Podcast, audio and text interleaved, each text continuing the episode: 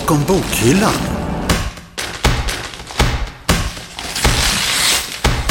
I och med att campus var stängt så behövde besökarna ledas in via en personalingång med en vakt. Men ganska snabbt så kände vi ju att han behövde ha ett räkneverk för att klocka liksom folk eh, så vi inte blev för många i lokalen samtidigt. Eh, Eh, det jag saknade är väl att se läraren. För vi hade en som hade gjort så att man såg en liten ruta på henne. Och det, det var väldigt skönt för att då minns man mycket bättre vad som sades på föreläsningen. För att det är så himla likt det som man hade förut. För man tänker ju på människan och man tänker hur de rör sig. Och då minns man mycket mer om vad de pratar om också. Man orkar inte med många minuter av att någon bara står och pratar utan det gäller att det är engagerande eh, och interaktivt.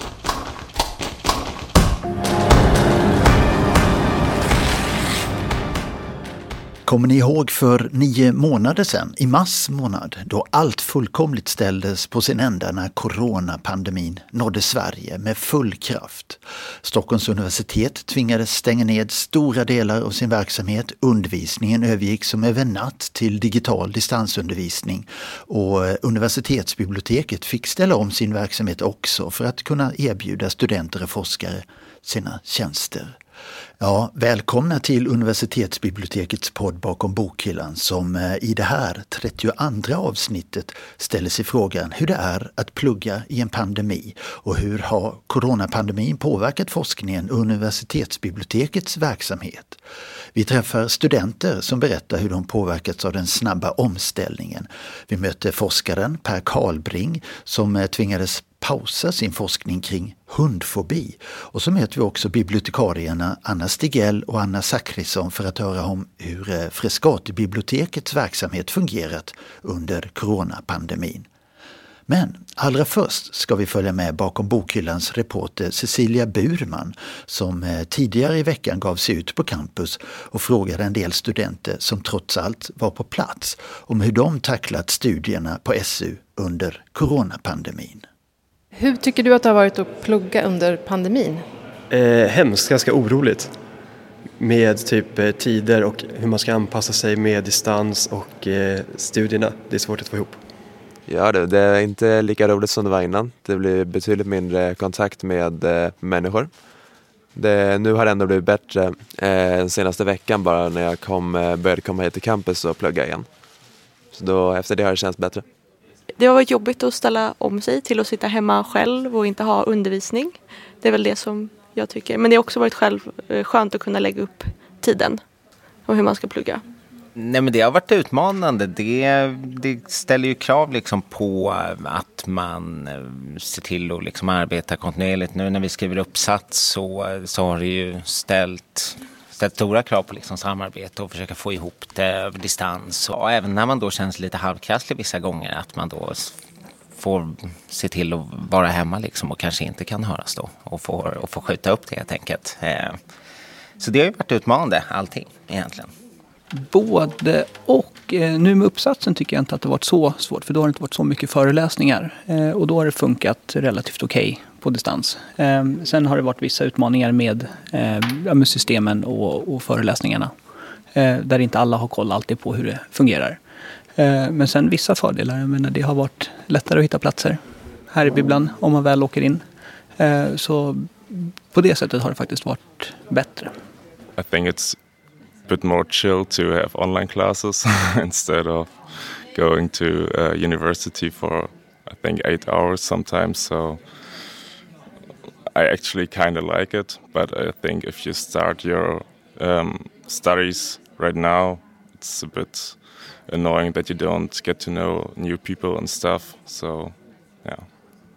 Alltså jag saknar väl mest att ha liksom vanliga lektioner och kunna ställa frågor till läraren och få ett så här svar i alla fall direkt, alltså så här fysiskt. Ehm, som nu, kursen som vi läser nu, där är det mycket att man i grupp ses och svarar på frågor. Men då har man inte den här lärarkontakten som gör att man kanske får svar på frågor direkt. Det kan jag känna att jag saknar.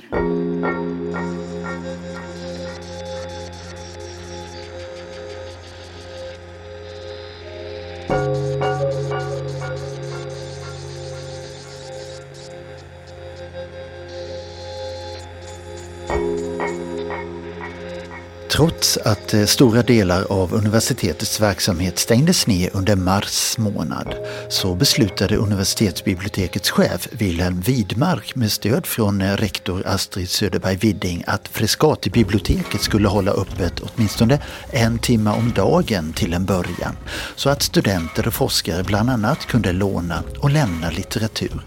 Men eh, också den pedagogiska verksamheten på biblioteket ställdes om och flyttades snabbt över till Zoom och eh, använder där onlinekurser som biblioteket gjort via universitetets lärplattform Athena.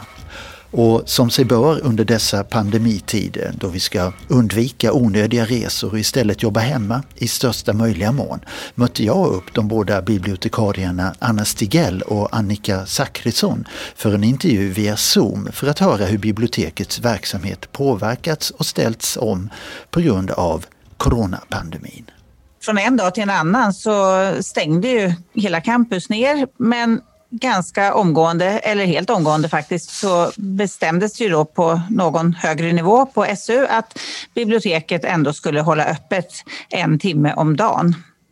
Eh, och det här hade vi ju ingen aning om då, vi som brukar jobba i den yttre miljön, så att säga, eh, hur det skulle falla ut. Skulle det komma några studenter, några besökare överhuvudtaget? Jag menar, i och med att campus stängde ner och det blev ja, mycket alarm i, liksom i samhället och media om att, att eh, man borde hålla sig hemma och så, så hade vi ju ingen aning om om det skulle komma noll personer eller skulle det bli trängsel på den här timmen. Eller, ja, det, det var verkligen som att slänga sig ut helt i blindo. så. Och, och, vad hände då? Hur, blev, hur reagerade studenter och forskare som, som kom hit den där timmen? Eh, ja, för till att börja med då så, så visade det sig att det kom eh, förvånansvärt mycket folk. Så att eh, vi mätte ju då, vi hade ju, förde ju statistik på det här hela våren och Eh, hur många besökare som kom den här timmen.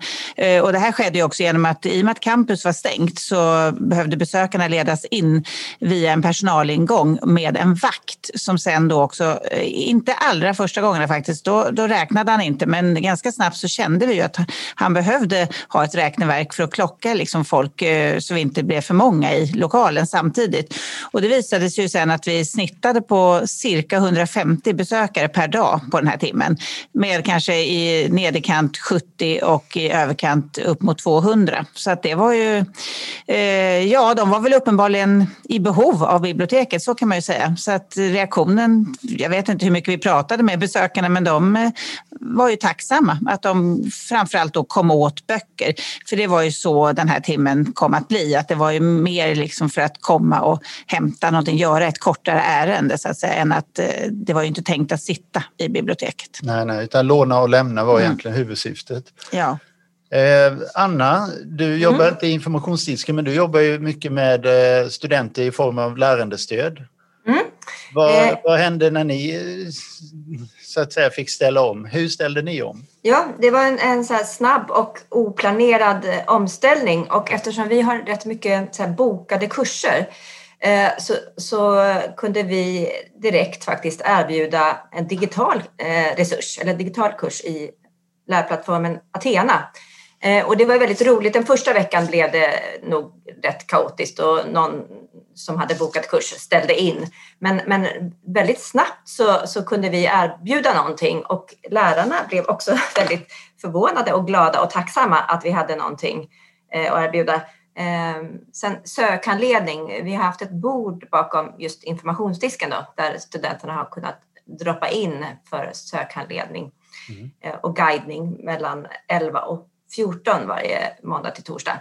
Och den ställde vi snabbt om till Zoom, eh, att man kunde boka oss via Zoom. Och det funkade faktiskt jättebra. Studenterna kunde sitta hemma eller på biblioteket och möta oss. Bakom bokhyllan, allt utom boktips på våren. där. Det, det, är klart att det sen som det alltid gör, det följer ju även en normal termin, så, så tunnades ju besöks, besökarna ut framåt liksom maj, juni. Då blev det ju lugnare och färre som kom. Och, och vi började också med att sätta ut en återlämningslåda som stod utomhus dygnet runt för att eh, folk åtminstone skulle kunna komma och återlämna böcker på ett säkert sätt. En låst låda alltså då, som inte gick att eh, plocka ner handen i så att säga. Eh, sen eh, förbättrades ju saker och ting också under våren. Från början så stod vi faktiskt helt som vanligt vid informationspunkterna. Och eh, ja, det kan man ju säga var eh, inte så smittsäkert varken för oss personal eller för eh, besökarna. Men sen kom det ju då avspärrningsband som vår bibliotekets vaktmästare satte upp så att det var en, åtminstone någon meters liksom, behörighet som man skulle stå bakom då. Och sen kom då plasthandskar och handsprit och sånt där förstås. Då. Hur var stämningen då? Jag, menar, jag, tänker, jag tänker att biblioteket har ju en viss stämning när man kommer in där som besökare och de som går dit har ju också en förväntan av, de vet redan hur det kommer vara där. Men nu när det är så reglerat att det finns en vakt, det är spärrband, det är eh, plexiglas mm. framför disken. Och ja, det precis. De här plexiglasen kom sen senare till hösten faktiskt. Det tog lite tid med dem, men eh, så det, nu är det ju så. Mm. Ja, vad ska jag säga, det kändes väl som en ganska allvarsam stämning då. Jag, jag menar, vi är ju inget eh, tyst bibliotek på entréplanet där informationsdiskarna finns, tvärtom, utan hela det eh, planet, då, plan 4 som vi kallar det här, eh, det är ju ett pratigt plan. Man får ju prata i, i normal samtalston och sitta och grupparbeta och så. Och det var ju helt, det försvann ju på, från en dag. Den 18 mars så var det knäpptyst istället och folk eh, gick liksom målmedvetet till hyllan för att hämta sin bok eller kom till oss för att eh, göra något eh, ärende som de behövde liksom personalens hjälp till. Men eh, ja, det kändes som att folk var, var medvetna om att man ska vara här så kort stund som möjligt och hålla avstånd. Så jag tyckte att det var, det kändes surrealistiskt och overkligt på ett sätt, men, men eh, Ja, sen blev det lite som någon form av köbildning ibland, kanske framför informationspunkterna och det kändes kanske inte jättebra, men, men ja, så blev det faktiskt stundtals. Mm. Men sen då till hösten, om, om vi ändå ska prata om, förklara det här lite ja. med Zoom-bemanningen, så Eh, ja, nu föregår jag också händelserna. Det var ju så att eh, efter sommaren så togs det ett nytt beslut att då skulle ju då många lärosäten, även SU, öppna upp igen campus till eh, viss del, eller ja, kanske inte i riktigt samma utsträckning som under eh, en icke-pandemi, men, men eh, stor skillnad mot den här timmen var det ju sagt. Och det så blev det. Jag kommer inte ihåg det exakta datumet. Det var kanske också den 18 augusti. Eh, och Ehm, då hade plötsligt biblioteket öppet 8 till 18 var det först och sen blev det faktiskt 8 till 19. Eh, så att då var det ju nästan som vanligt så att säga. Eh, men med skillnaden förstås med de här plexiglasen som kom upp och, och handspriten som står när man kommer in i biblioteket och så. Men, men nu gick ju plötsligt besökarna in genom den vanliga biblioteksentrén. Eh, själva Södra husen, campusområdet var ju öppet så det krävdes ingen vakt eller personalingång. Eh, och och eh, därmed, sen hade också då vår vaktmästare fått eh, ta bort två tredjedelar av alla läsplatser. Eh, eller själva platserna har inte gått att ta bort, men stolarna. Eh, så att inte så många som under ett normalt tillstånd skulle kunna sitta i biblioteket. Och vi har ungefär Vi har cirka nästan... 1400 skulle jag tro sittplatser, så vi har alltså bara en tredjedel kvar av dem. Då. 500 cirka, Ungefär cirka så. Mm. Eh, och eh, ja, det visade sig väl ganska snabbt att eh, nu under hösten här att det var framför allt läsplatserna studenterna har saknat. Så att det känns som att de som är, är i biblioteket det är främst för att sitta och läsa där och det är, är väl säkert många studenter som inte har eh, möjlighet att sitta hemma. De kan bo trångt eller ja, det, av olika skäl kan jag ha småsyskon hemma eller barn eller vad det kan vara. Så att de behöver uppenbarligen biblioteket som sin arbetsplats. Så att säga. Men för att också då bemöta liksom det här eh, tänka nytt och så kring ja, smitts, eh, det här ur smittskyddshänseende och så, så eh, utvecklades eh, då liksom tankar kring hur man kunde eh, ha någon annan form av bemanning för de som eventuellt inte ville ja, dels inte komma till biblioteken, men där utökade vi då eh, vår, våra digitala kanaler med, med chatt och eh, e-post och så och telefontiderna ökade lite i början i alla fall och så. Eh, och det märkte vi också att, att det styrdes om till de kanalerna och det blev väldigt liksom, stor uppgång på till exempel chatten. Eh, men och då skulle jag säga, men för att utveckla liksom någon, någon nya tjänster också som skulle då möta den här nya krisen så att säga så har vi testat någonting som vi kallar då Zoom-bemanning Eh, och det är helt enkelt att man kan träffa studenterna, besökarna, användarna eh, kan prata med en bibliotekarie via en skärm. Eh, och det här har ju gjorts då på plats i biblioteket som ett test. Så det har varit så att vissa timmar, en timme om dagen i alla fall, har det bara varit ren Zoom-bemanning. Så det har inneburit då att har man kommit till biblioteket och ja, behöver fråga någonting i informationsdisken, då har man istället mötts av en, en person i en, på en skärm så att säga. Vi har helt enkelt vinklat eh, eh skärmarna, en skärm utåt mot besökarna och så har man kunnat prata med en kollega i realtid så att säga.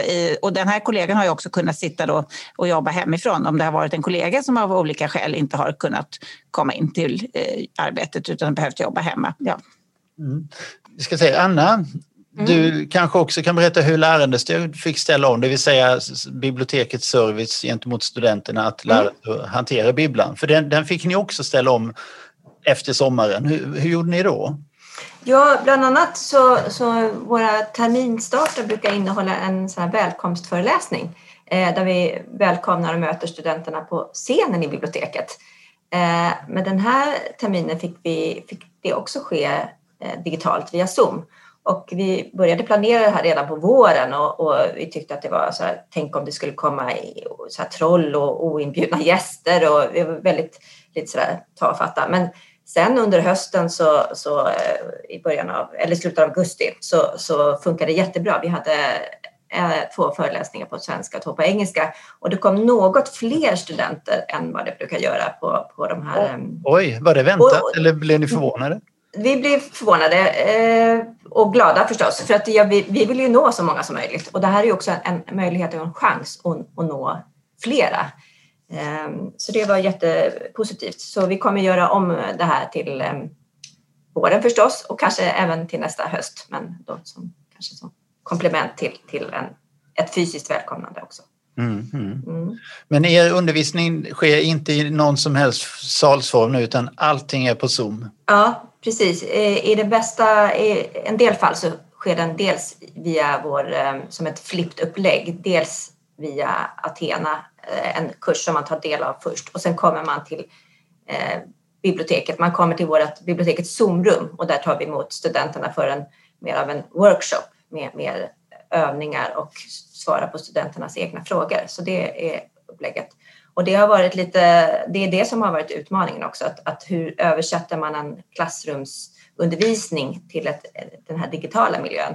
Mm. Eh, har det varit en stor utmaning så att säga? Att ja, för att det här mötet med studenten är, är svår att, att, att, få till. Ibland så möts vi av, av, svarta rutor och helt tysta och vi, det är som att stå och hålla en föreläsning eh, om man får, ingen, får inga blickar eller eh, feedback. Mm. Eh, men, men långsamt, långsamt så hittar vi knep och tips. Liksom jag har också fått tips av andra. Det här, det här är situationen inte unik för biblioteket utan det är ju så på, på att undervisa digitalt.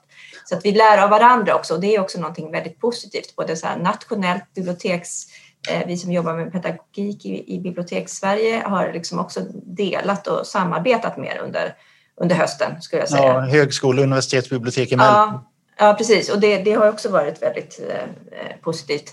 Och även våra, vi har ju mycket filmer och, och så öppna lärresurser också. Och det har vi mm. också sett att det, det har ökat. Studenterna webben, kan sitta... Besöken på webben har ökat. Ja, mm. Eh, när det gäller våra lärresurser och filmer där också. Så det är positivt. Mm.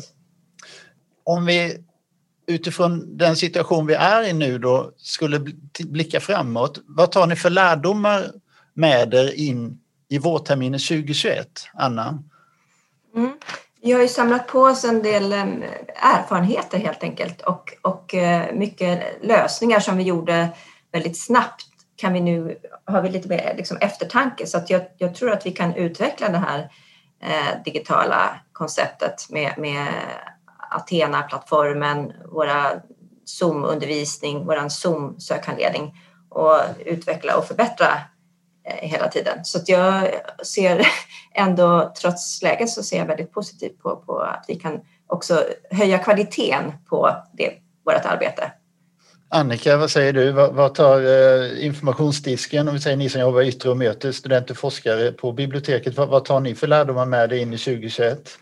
Ja, det är jättesvårt att säga eftersom det kommer ju ny, nya studenter och allting. De kommer säkert vilja fråga oss i informationsdisken på plats och så precis som förut. Men kanske att några då som har börjat vänja sig vid eh, de här digitala kanalerna att ställa mycket korta frågor liksom redan hemifrån och på vägen och, och så där, kommer att fortsätta med det. Så jag tror som annat att eh, kanske kommer på något sätt de här användarfrågorna att ha liksom styrts över till viss del till digitala kanaler. Så jag tror att det blir en blandning. Men jag har ju svårt att se att det helt skulle, liksom de fysiska besöken skulle eh, upphöra eller försvinna. För, för eh, det, det ligger ju i sakens natur att de, som sagt, studenterna vill vara hos oss i biblioteket och det är jätteroligt och det är det vi hoppas på också, att det ska bli så igen. Ni säger ju båda att det här tycks ha flyttat på ganska bra, när hela omställningen till det mm. digitala. Men har det inte inneburit några som helst vad ska man säga, problem eller ja, strul gentemot den vanliga verksamheten eller den, det stöd eller hjälp ni vill ge till studenter?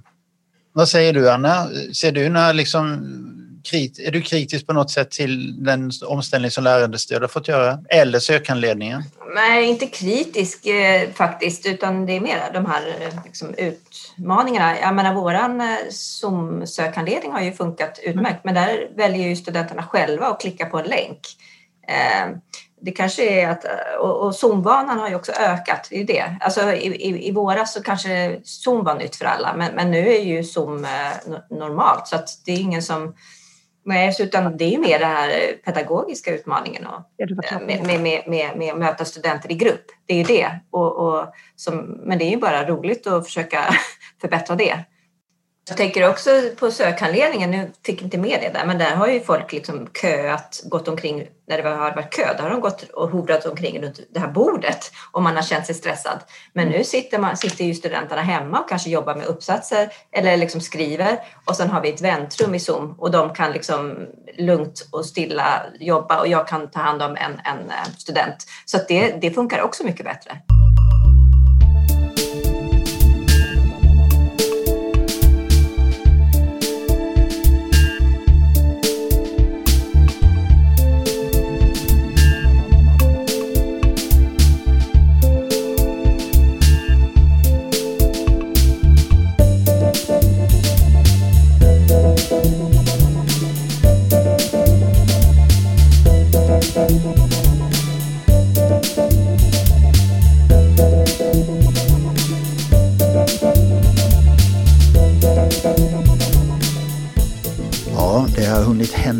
Hel del saker sedan vårens chocktillstånd. Under hösten öppnade bland andra Stockholms universitet upp igen och en del undervisning skedde på campus. Men under senhösten så kom då nya skärpningar från regeringen och Folkhälsomyndigheten. Då tvingades många studenter att återigen studera på distans. Ovissheten och svårigheterna att kunna planera har ställt höga krav på studenternas anpassningsförmåga. I studenthuset på Stockholms universitet träffade vår reporter Cecilia Burman studenterna Hedda och Vilma som precis hade börjat plugga på Stockholms universitet när pandemin slog till. De berättar hur de har lyckats hitta ett sätt att hantera sina studier trots att de knappt har kunnat träffa vare sig studiekamrater och lärare. Vi, eh, jag vet inte, vi gillar verkligen, alltså vi har varit här sedan vi började. Vi började studera i januari. Så att det har blivit liksom vårt pluggställe och vi trivs superbra. Så att eh, synd bara att kaféet har stängt. För där var man stammis. ja. Jag heter Hedda och jag pluggar marknadskommunikation här på SU. Eh, hur tycker du att det har varit att plugga under coronapandemin? Eh, det har varit ganska svårt. Alltså väldigt svårt att få motivation när man bara sitter hemma. Eh, och jag tror att det är därför vi sitter här idag. För att vi vill träffas ändå. Ja, känna någon typ av eh, att man är och gör något vettigt typ i skolan. Liksom. Så därför sitter vi här idag. Även fast det inte är någon undervisning på skolan. Eh, jag heter Vilma och jag pluggar också marknadskommunikation. Eh, nej, men jag tycker precis som Hedda att det har varit väldigt alltså, varit tufft. Framförallt i början när alla, vi är inte från Stockholm så därför så drog alla hem till sina hemstäder i början. Eh, och att man då själv var kvar i Stockholm var väldigt tufft eftersom att man fortfarande kände ändå ett behov av liksom, att plugga med sina kompisar. Eh, så att nu under hösten har vi ändå fått andra rutiner på det. Att man har mer liksom vant sig vid distansen.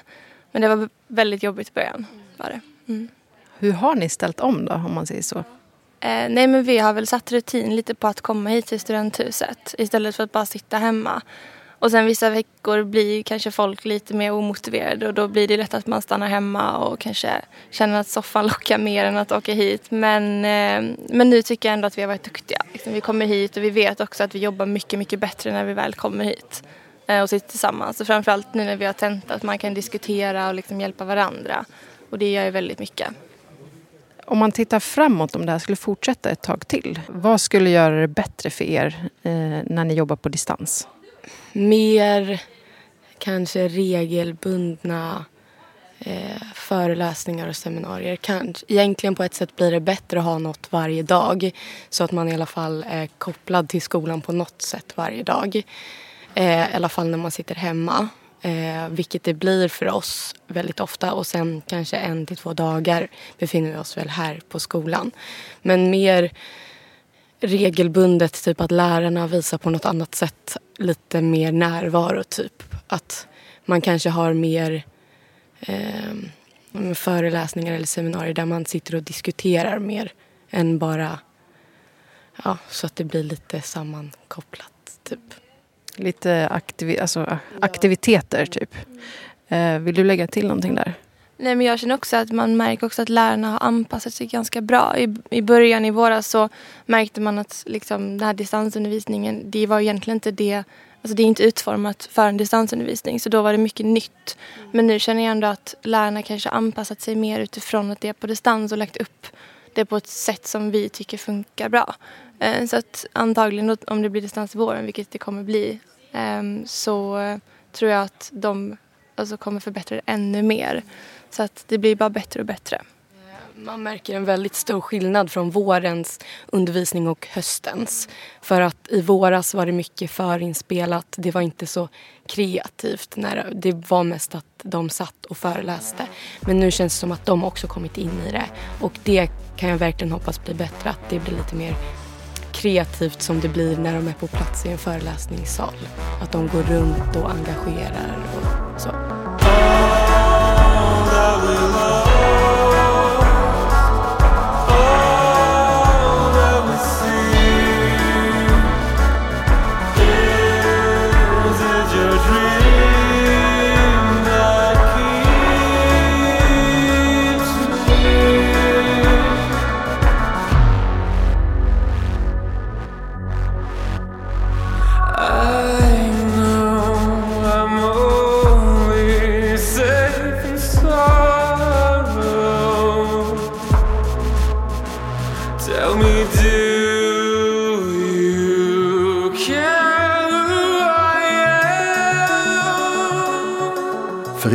att eh, pandemin har tvingat studenter att ställa om så har den också förändrat förutsättningarna för forskningen vid Stockholms universitet. Flera forskningsprojekt har avstannat men det har också uppstått ny forskning med direkt koppling till covid-19. Forskaren Per Karlbring som är professor i psykologi vid Stockholms universitet arbetar bland annat med terapi online. Men forskar också kring fobier såsom hundrädsla. Ett av forskningsprojekten som tvingats pausa på grund av corona är Ludde. En eh, studie där man ville undersöka möjligheten att behandla patienter som har stark hundfobi med hjälp av virtual reality. Hej! Hej! Välkommen in. Tack. Normalt var det väldigt mycket folk. Så. Eh, hunden ska ju vara en, eh, ett fobiskt objekt.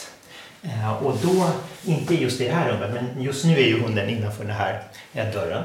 Eh, och när han sen ska vara med i, i studien så kommer vi att be personer som har hundfobi att om de vågar gå in, öppna dörren och gå in. Och vågar de så ska de gå in så långt de kan och om de verkligen känner sig modiga då, ta på hunden eller klappa hunden. Och det ska man ju inte våga förstås innan behandlingen. Men vi går väl in. Vad heter han? Han heter Ludde. Ja, det är Ludde det här? Ja, mm. precis som studien eh, heter Ludde. Kom, kom. Ja, när det gäller Ludde-studien, Lucid Universal Digital Dog Exposure, så är ju den kan man tycka nu i efterhand då, är bra att den ännu inte är finansierad. För på så sätt så finns det ju ingen deadline egentligen för att den måste bli klar inom en viss tid. Eh, och eftersom vi inte kan ta in människor nu som är hundfobiker eh, så måste den pausas. Så på så sätt så har den inte fått någon, någon eh, påverkan annat än att det är väldigt tråkigt. Och sen har vi också en hund som är upplärd för att vara det fobiska objektet, den man ska träffa före och efter behandling. För att först vara rädd inför och sen inte vara rädd för efter den här behandlingen. Och behandlingen är, är tänkt att vara ungefär tre timmar. Eh, så det gäller ju att underhålla hunden också så att han kan fortsätta vara ett, ett lugnt och standardiserat fobiskt objekt. Och det är Ludde som vi har här med oss idag. Precis, idag är han här och praktiserar igen för att inte glömma bort hur han ska vara en, en snäll och, och eh, standardiserad hund. Ludde, kom då! Kom! Ja, bra! Ja, kom då! Ska vi se om vi kan... Eh, en, en, viktig sak är förstås att, att han känner att det här är någonting som är roligt för honom. Eh, så ofta så får han ju belöning och i det här fallet så ska vi nu testa om man kan lägga huvudet i mitt knä och gör han det så ska han få en belöning. Ludde, knä! Ja, titta, direkt, eller hur? Då ska du få en godis. Kom! Och vad kan vi göra mer då? Vi kan be honom att backa kanske? Backa? Backa? Bra! Det är viktigt kanske att kunna när man har eh, patienter. Precis, och att han ska kunna ligga ner till exempel. Ligg. Ludde är alltså ett eh, forskningsprojekt som har fått eh, göra halt på grund av pandemin eftersom det kräver fysisk kontakt mellan behandlaren och patienten. Men eh, som vi tidigare har nämnt så arbetar Per Karlbring också med internetbehandling, både kliniskt och på forskningsnivå. Och där har den rådande situationen inte satt käppar i hjulet, tvärtom faktiskt. Eh, till exempel när det gäller de här internetbehandlingarna. Eh, en studie är eh, 15 till 19-åriga deprimerade ungdomar som får en av två olika typer av behandlingar. Eh, det har, kunnat påverka, det har kunnat pågå precis som vi hade tänkt. Och eventuellt har det varit lite lättare faktiskt att rekrytera deltagare till den här studien eftersom det då sker via internet och man är mer och mer van att söka vård via internet. Eh, sen har det varit andra studier som vi har kommit på eh, i kölvattnet av coronan. Eh, en studie är en paneuropeisk enkät där vi har frågat terapeuter Eh, och psykologer, hur har det här påverkat dig? Eh, I och med att många då har gått över från en, en ansikte mot ansikte behandling till en onlinebehandling. Eh, så det har varit en, en, stor enkät och vi har också fått pengar för att göra mer djupgående eh, intervjuer hos eh, terapeuter och patienter hur de själva påverkas av just att, att byta från en behandlingsform till en annan.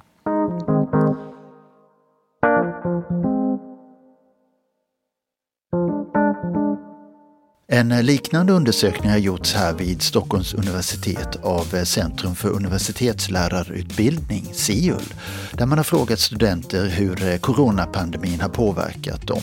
Man har till exempel frågat vad studenterna tycker om läraktiviteterna i Zoom eller hur deras motivationsnivå är med eh, online-studierna. Redan innan pandemin var Per Karlbring van att möta sina patienter online i så kallad internetbaserad terapi. Och han menar att det krävs extra mycket engagemang när man möts i till exempel Zoom framför fysiska möten. Man skulle kunna säga att det är, kan vara å ena sidan en stor skillnad mellan att gå i behandling via internet och få, eh, få eller ta del av undervisning å andra sidan. Eh, undervisning är ju i bästa fall någonting man har valt själv. Eh, men ibland så finns det kurser som inte är så inspirerande. Och man är också van att eh, det, det ska vara mera interaktion och man ska kunna träffa varandra och just prata och eh, kommentera vad var det vi hörde nu under de här första 45 minuterna under de här 15 minuters pausen. Så att man, man får en, en, dels den sociala kontakten men också hjälp att, att smälta och reflektera kring det man, man har sett. Det är inte min upplevelse när det gäller Zoom-undervisning till exempel, utan då har man sina 45 minuter, eller jag föreläser under 45 minuter, eh, sen så går studenterna och släcker ner sin kamera och gör någonting annat, eh, tar ut disken eller något sånt där. Eh, och eh, eventuellt så kanske de då reflekterar kring vad de har hört, men de har ju inte möjligheten att prata med varandra och det tror jag är en viktig del. Eh, sen så eh, är det ju otroligt viktigt tror jag när det gäller både internetbehandling men också undervisning att den blir engagerande. Man orkar inte med många minuter av att någon bara står och pratar utan det gäller att det är engagerande eh, och interaktivt. Eh, och få till det tror jag är ganska svårt och kräver mycket. Eh, så jag skulle nog gärna se att man lägger väldigt mycket mer energi som lärare men även att lärarna får hjälp då att få till bra undervisningsformer. Eh, en, ett inspirerande exempel tycker jag är Andy Field som håller på med statistik och hur kan det vara inspirerande kan man undra. Eh, men han har gjort eh, roliga, inspirerande filmer eh, som han har spelat in i förhand och sen så spelar han upp dem när han ska ha sin undervisning och sen så finns han då samtidigt i chatten och svarar på frågor i realtid. Och det tror jag väl är ett sätt att göra det här eh, mera interaktivt. Men att bara ta del av passiv information, det tror jag är väldigt svårt. Man behöver lägga till eh, olika reflektionsmoment under, eh, under föreläsningarna. Oavsett om man är student eller professor i psykologi så är den gemensamma plattformen där vi möts och lär oss av varandra numera helt digital. Och det har både för och nackdelar menar Per Karlbring, som själv var skeptisk till en början. Från början så tänkte jag en konferens som inte är i, i verkliga livet, där man träffar riktiga personer, är inte en konferens och det är ingenting att åka på eller, eller liksom logga in på. Eh, men sen så har jag tänkt till och också testat att vara med på eh, två konferenser som har varit helt online och det tycker jag har faktiskt varit över förväntan. Det är ju inte alls samma sak, men det finns också en hel del fördelar med att man kan ja, sitta klädd hur man vill. Eh, man kan lätt byta spår om det är ett, eh, ett forskningsspår eller en presentations eh, eh, som man inte gillar eh, och hellre vill gå, i, gå in i någonting annat. Och framförallt det här med att man i efterhand kan gå in och eh, höra de presentationer man annars skulle ha missat en, en nackdel när det gäller eh, onlinekonferenser tycker jag är att man får inte samma känsla av att det händer just nu, i alla fall om man, om man tar del av det i efterhand. Och just möjligheten att kunna ställa frågor eh, är ju viktig. Så här tror jag vi har en väldigt stor utvecklingspotential när det gäller konferenser.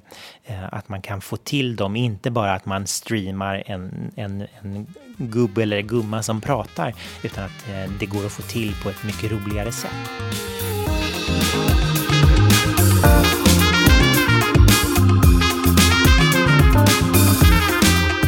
Åsikterna om hur det digitala livet egentligen påverkar oss är många och fler kommer det säkert att bli. Men insikterna då? Vad har vi lärt oss av pandemin? Eh, forskning står inte och faller med resande. Eh, jag skulle ha haft hit två stycken personer, eh, en från Sydkorea och en från eh, Schweiz och ingen av dem kunde komma hit. Eh, men vi har ändå eh, kunnat eh, samarbeta. Eh, det är ju inte alls samma sak och speciellt gissar jag för de som skulle komma hit och byta miljö. Det har de ju inte gjort då. Eh, men att eh, man ändå kan kommunicera och hålla igång forskning eh, det tycker jag är förvånande att det har gått så bra. Sen finns det ju mycket som förstås inte är bra. Eh, och man skulle få en djupare relation med varandra och bli mer engagerad också, tror jag, om man hade träffats.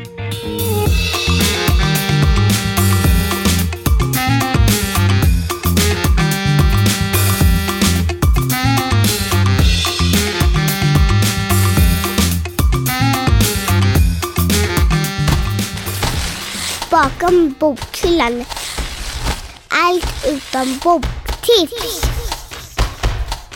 Vårterminen står för dörren och det är rekordmånga som har sökt utbildningar vid Stockholms universitet. En eh, ökning på omkring 20 procent jämfört med samma period förra året. Och samma trend gäller för resten av landets universitet och högskolor. Men kommer man lyckas möta de behov som finns om undervisning fortsätter att ske digitalt, det vill säga om pandemin skulle fortsätta ett tag till? Bakom bokhyllan ställde frågan till några studenter som försökt hitta studiemotivation på Stockholms universitets bibliotek. Jag tror då lite mer individuell handledning. Um, nu blir det ju mer med uppsatsen så är det ju kanske som förut men jag tror man märkte under när man hade vanliga kurser just med seminarierna och så så blev det inte samma möjlighet till att kanske räcka upp handen, ställa frågor, visa och förklara. Så lite mer eh, kanske där man själv får dela skärmen med, med lärarna och visa sina problem. Så att den individuella handledningen har ju försvunnit lite. Så det tror jag skulle underlätta. Ehm, det som jag mest reagerar på är föreläsningarna. Att hos oss är de ofta bara en powerpoint och så en röst som man hör. Eh, det jag saknar är väl att se läraren. För vi hade en som hade gjort så att man såg en liten ruta på henne. Och det, det var väldigt skönt för då minns man mycket bättre vad som sades på föreläsningen. För det är så himla likt det som man hade förut. För man tänker ju på människan och man tänker hur de rör sig. Och då minns man mycket mer om vad de pratar om också.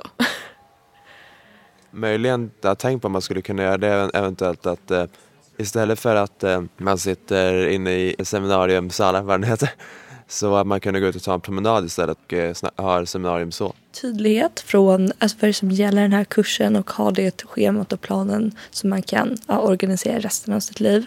Men också tillräckligt med studieinformation runt omkring. Typ en dålig sak med kursen jag läser just nu är att vi har bara seminarium och inga föreläsningar.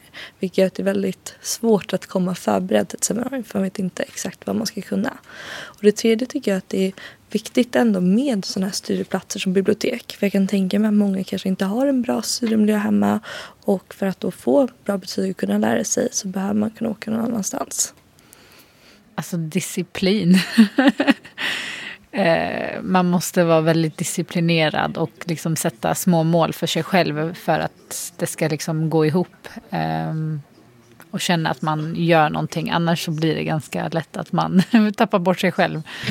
Men det är väl det jag har känt. Att disciplin har varit väldigt viktigt. Ah.